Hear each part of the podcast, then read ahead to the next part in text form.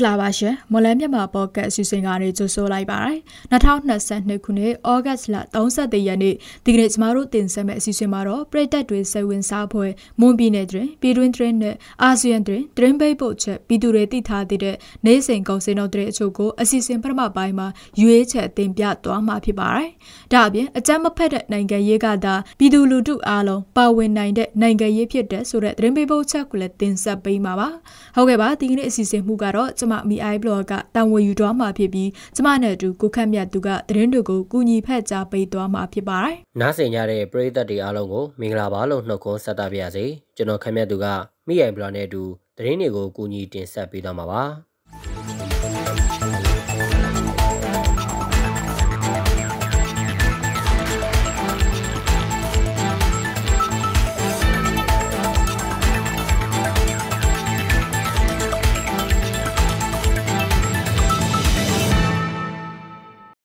ပေါင်မြို့နယ်စင်းကြိုက်မြို့စားဖို့ရက်ွက်အုတ်ချုပ်ရေးမှုရုံးဝင်တဲ့ရုံးရှိမှာ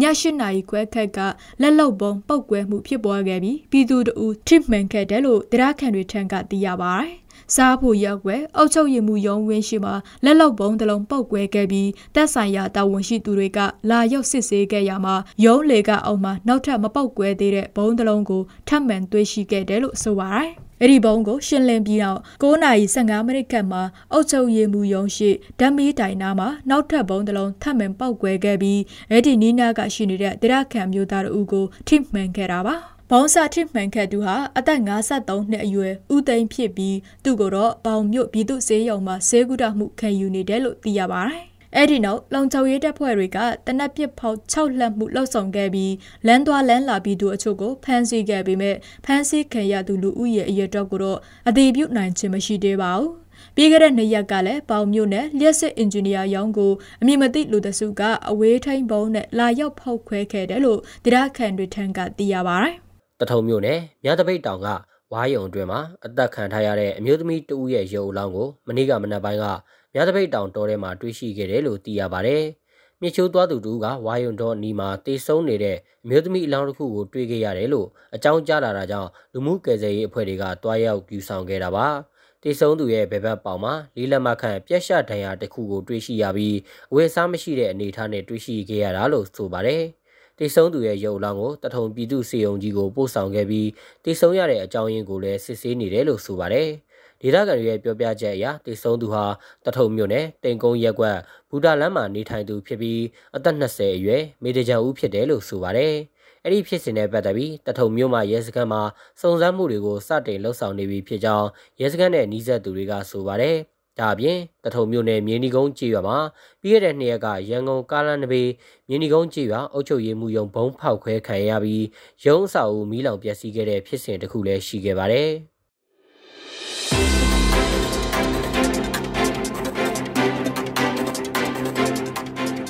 မတို့ရဲ့မလန်းမြန်မာဖောက်ကမြန်မာဘာသာစီစဉ်ကိုအားပေးနားဆင်ကြတဲ့ပရိသတ်များရှင်ကျမတို့အတန်လို့စီစဉ်ကနေပြီးတော့မွန်ပြည်နယ်မှာဖြစ်ပျက်နေတဲ့သတင်းများပြည်တွင်းငင်းချဲရေးဖြစ်စဉ်များပြင်မြန်မာနိုင်ငံတွင်းနဲ့အာဆီယံတွင်းများကိုအပတ်စဉ်တင်လာနေမှတောကြာနေများတွင်ည9:00နာရီချိန်တွင် Mon New Agency Facebook စာမျက်နှာတွင်ဝင်ရောက်နားဆင်နိုင်လို့မလန်းမြန်မာဖောက်ကစာမျက်နှာတွင်လည်းဝင်ရောက်နားဆင်နိုင်ပါပြီအားပေးကြတဲ့ပရိသတ်များအားလုံးကိုကျေးဇူးတင်ပါတယ်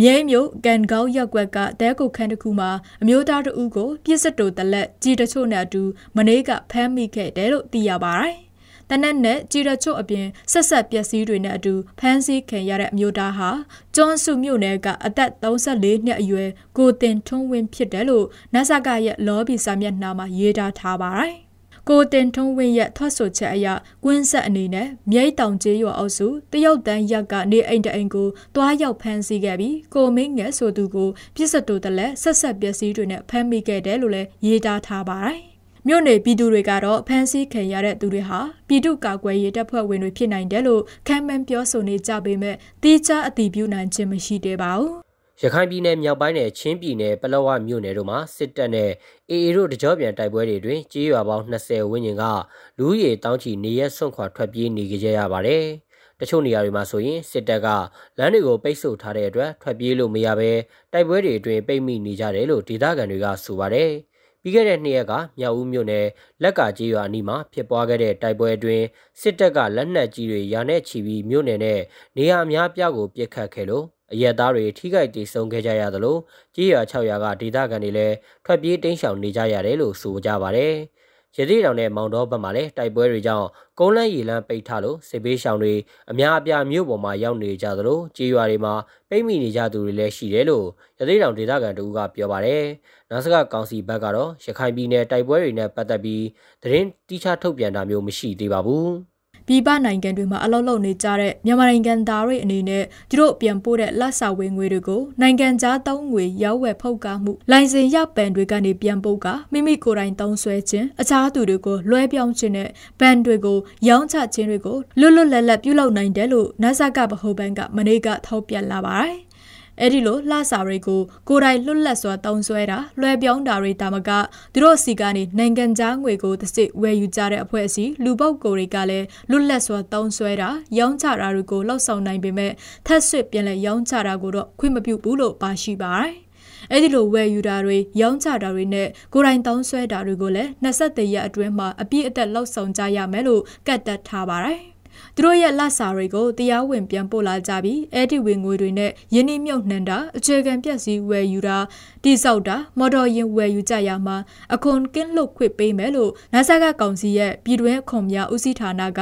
ဩဂတ်လပထမပတ်မှာထုတ်ပြန်ခဲ့ပါတယ် အဲ့ဒီလိုတရားဝင်ဘဏ်တွေကိုအသုံးပြုပြီးငွေတွေပြန်ပို့တဲ့အခါမှာတော့ဗဟိုဘဏ်ကတတ်မှတ်တဲ့ American ဒေါ်လာကို2100ကျပ်တတ်မှတ်နှုန်းနဲ့ရရှိမှာဖြစ်ပါတယ်။လက်ရှိမှာတော့ NASA ကကောင်စီဗဟိုဘဏ်ရဲ့ American ဒေါ်လာဈေးနဲ့ပြင်ပပေါက်ဈေးအကြားမှာတော့ဒေါ်လာကိုမြန်မာငွေ7000ကျော်ကွာဟနေတဲ့အခြေအနေရှိနေပါတယ်။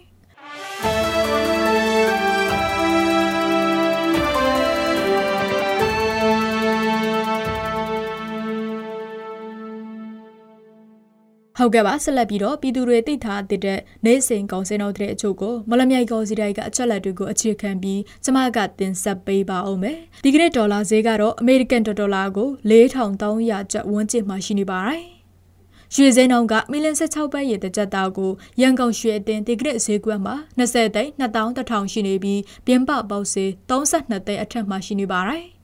73စီတွေကတော့တီဆက်တလီတာကို1290ကျပ်အောက်သိန်း92တလီတာကို2650ကျပ်နဲ့95တလီတာကို2925ကျပ်ထိရှိနေတာပါစံစည်းနှုန်းကတော့အကောင့်စားပေါ်ဆက်မွေးတရားရှက်ပေါအမြင့်ဆုံးကို66,500ကျပ်အလယ်လက်တန်းစံမျိုးစားပွဲကျဲသည့်တရားရှက်ပေါအနှိမ့်ဆုံးကို9,100ကျပ်နဲ့အမထဆန်တွေကတော့တရားရှက်ပေါအနှိမ့်ဆုံးကို4,1,500ကျပ်နဲ့အမြင့်ဆုံးကို4,500ကျပ်ရှိနေပါတယ် Bye.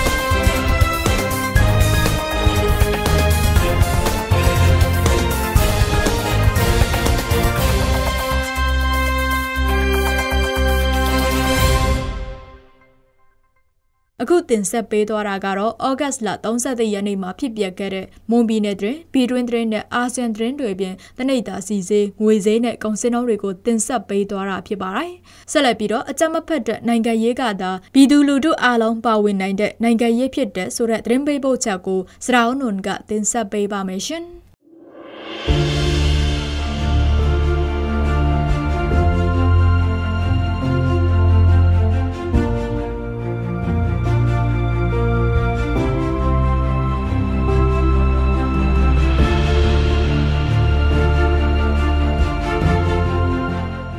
အကြမ်းမဖတ်တဲ့နိုင်ငံရေးကသာပြည်သူလူထုအားလုံးပါဝင်နိုင်တဲ့နိုင်ငံရေးဖြစ်တယ်လို့ပြည်သူ့ပါတီ PP ဥက္ကဋ္ဌဦးကိုကိုကြီးကပြောပါတယ်မိမိတို့အနေနဲ့အကြမ်းမဖက်တဲ့နိုင်ငံရေးကိုကင်ဆွာထားပြီးနိုင်ငံရေးအကြက်တဲကိုနိုင်ငံရေးနိလနဲ့ဒါဖြည့်ရှင်းရမယ်လို့ယုံကြည်ကြောင်းသူကဆိုပါတယ်ဟိုကျွန်တော်တို့ကတော့အကြမ်းမဖက်နိုင်ငံရေးကိုပဲဒီဇိုင်းမမကင်ဆွဲထားတယ်ယုံကြည်တဲ့သူတွေအနေနဲ့ကတော့ဘလို့အကြက်တဲမျိုးမှာပဲဖြစ်ဖြစ်ကျွန်တော်တို့ကနိုင်ငံရေးနီလန်းပြန်ပြီးတော့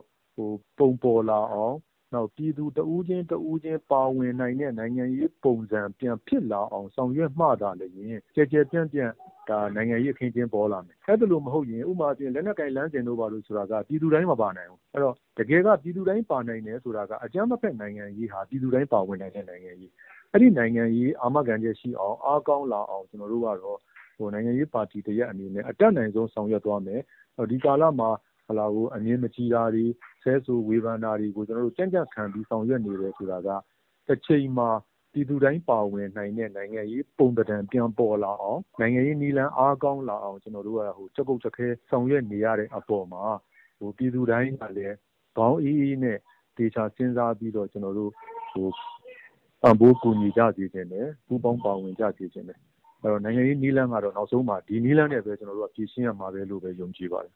2021ခုနှစ်ဖေဖော်ဝါရီတရက်တမတော်ကအာဏာရယူပြီးနောက်ဆက်ကျင်စံဒပြမှုများနဲ့သူလက်နက်ကင်တော်လန်ရေးကိုဆင်နွှဲလျက်ရှိပါတယ်။လက်နက်ကင်တိုက်ပွဲမှာလူထုအားလုံးမပါဝင်ဘူးလို့ဆိုတာဟာသဘောတဘာဝအရမှန်ကန်ပေမဲ့ UNG ကတပိုက်မှောက်ဖို့ကြွေးကြော်လိုက်တာနဲ့တပြိုင်နက်ပြည်သူလူထုအားလုံးပူးပေါင်းပါဝင်လာတယ်လို့နိုင်ငံရေးလက်လက်တောင်းတသူဦးတန်းစိုးနိုင်ကပြောပါတယ်။လက်နက်ကင်တိုက်ပွဲမှာလူလူအားလုံးမပါဘူးဝင်မှုဆိုတော့ဒါကတော့ တေကူသဘောရမှန်ပါလေပြည်သူလူထုဆိုတဲ့အထက်မှာစိတ်ပိုင်းမျိုးမျိုးရှိပါတယ်ဆယ်ရာခိုင်နှုန်းလောက်ကတော့စစ်ကောင်စီနဲ့အာဏာရထားတဲ့အင်အားစုနဲ့ပူးပေါင်းတာရှိတယ်လို့ဆယ်ရာခိုင်နှုန်းလောက်ကတော့ဗာတိဘာသာကိုယ့်အကူယက်တည်နေကြတာဖြစ်ပါတယ်ဗာတိဘာသာယက်တည်တည်တယ်ဆိုတာတောင်စိတ်ဓာတ်အရထောက်ခံမှုတွေဘယ်လောက်ရှိတယ်ဆိုတာကတော့အခု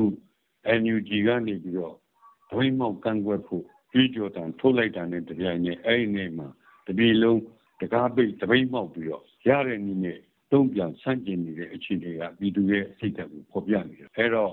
ပြည်သူတရားလုံးမပါဝင်နိုင်မှုဆိုတာနဲ့ပြည်သူတွေရဲ့ထောက်ခံမှုရှိတော့ဘူးဆိုတာမဟုတ်ပါဘူးပြည်သူတွေရဲ့စီးပွားရေးလူမှုစီးပွားရေးဘဝအနေထားအသက်အရွယ်နောက်နိုင်ငံရေးသဘောပေါက်မှုအပေါ်မှာမူတည်ပြီးတော့အများတကအများစုကဒီလှုပ်ရှားမှုကိုတတ်နိုင်တဲ့ဘက်ကနေပြီးတော့ကျွန်တော်တို့ပါဝင်ဆောင်ရွက်နေတာ ပြည်တွင်းရောပြည်ပရောဒါကအားလုံးတွေ့နိုင်ကြပါတယ်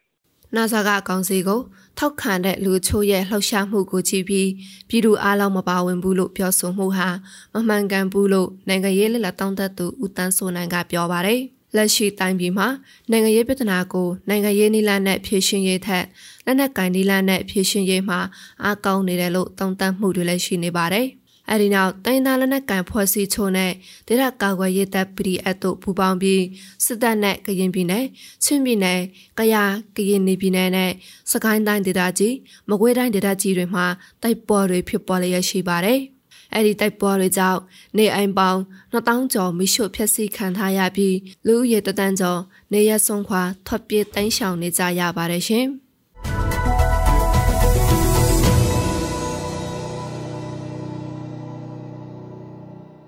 ကျွန်တော်တို့ရဲ့မွန်လန်းမြန်မာပေါ့ကတ်အစီအစဉ်ဒီမှာတင်ပြီးဆုံးပါပြီ။နားဆင်ကြတဲ့ပရိသတ်တွေအားလုံးကိုနောက်နေ့အစီအစဉ်တွေမှာဆက်လက်အားပေးကြပါအောင်လို့ဖိတ်ခေါ်ရင်းအစီအစဉ်ကိုအဆုံးသတ်ပါရစေ။အားလုံးကိုကျေးဇူးတင်ပါတယ်ခင်ဗျာ။